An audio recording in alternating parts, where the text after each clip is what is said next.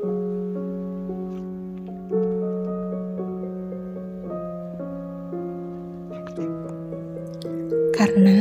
pada akhirnya, yang bukan buat kita gak akan jadi milik kita. Pun sama, yang buat kita akan tetap jadi milik kita.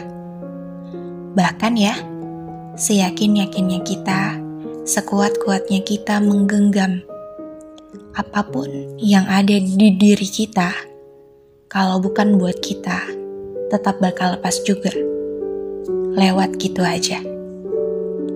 Juga tentang seragu-ragunya kita terhadap sesuatu pun belum tentu akan ragu terus. Karena butuh waktu untuk lebih tahu akankah kita semakin ragu atau berubah menjadi yakin akan hal yang buat kita ragu tersebut. Sebagai manusia, kita tuh tetap punya keterbatasan untuk mengetahui apa pun. Karena mungkin benar kalau secerdas-cerdasnya manusia tetap bisa nggak nemu jawaban dari pertanyaan yang ada di kepalanya. Karena kecerdasan kita tuh nggak sampai dan terbatas.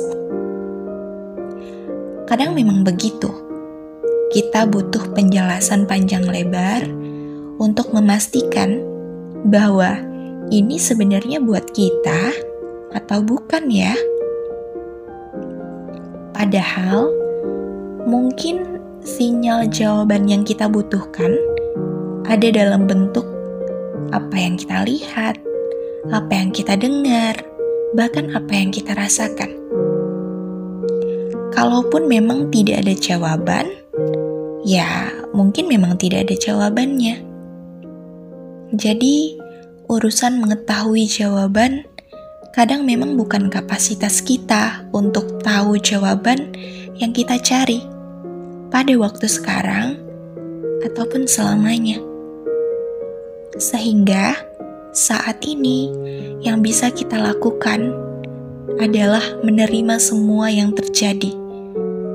Meskipun kita kesulitan menerimanya.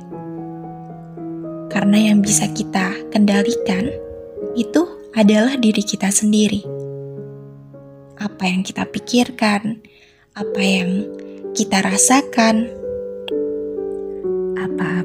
yang perlu dan tidak perlu kita pedulikan, dan banyak hal lainnya.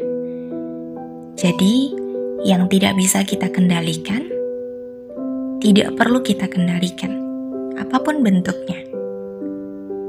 Sudahi perasaan yang membuat kita sedih dengan berani mengambil keputusan untuk lebih memprioritaskan diri sendiri. Masa depan itu memang gak pernah ada yang tahu.